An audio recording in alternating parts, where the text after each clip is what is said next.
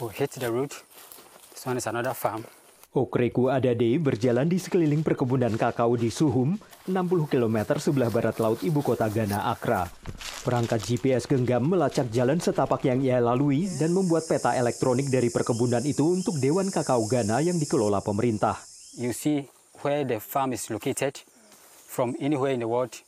You can locate the farm right from your room.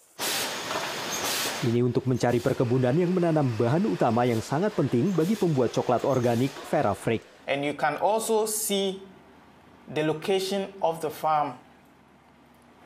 And this area also tells you that this farm is not in a deforested area. And that is how we get to know that these farms are free of deforestation. Deforestasi mengganggu bisnis coklat. Data satelit dari Global Forest Watch menunjukkan Ghana sudah kehilangan 22 persen cakupan hutannya sejak tahun 2001. Perkebunan kakao adalah salah satu dari beberapa penyebabnya.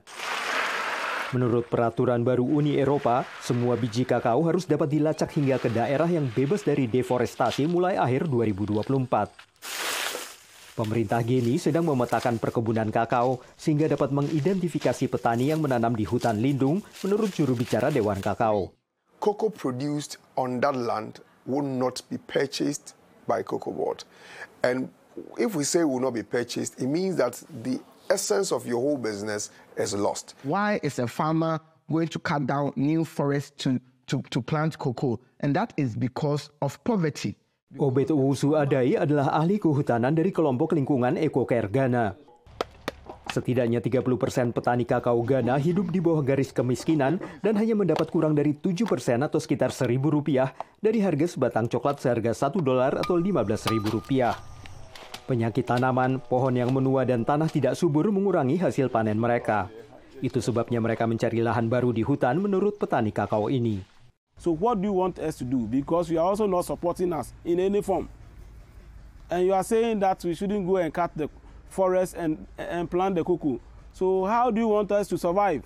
Petani kakao bisa mendapat bantuan pupuk, pestisida, dan metode pertanian dari pemerintah. Program ini bertujuan meningkatkan hasil panen petani sehingga mereka tidak perlu melakukan ekspansi.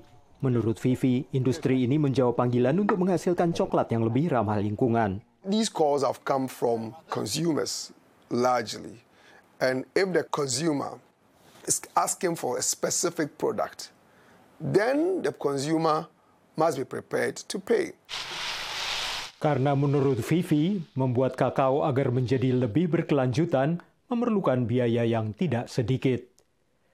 Dari Arlington, Virginia, saya Helmi Yohanes dan tim VOA.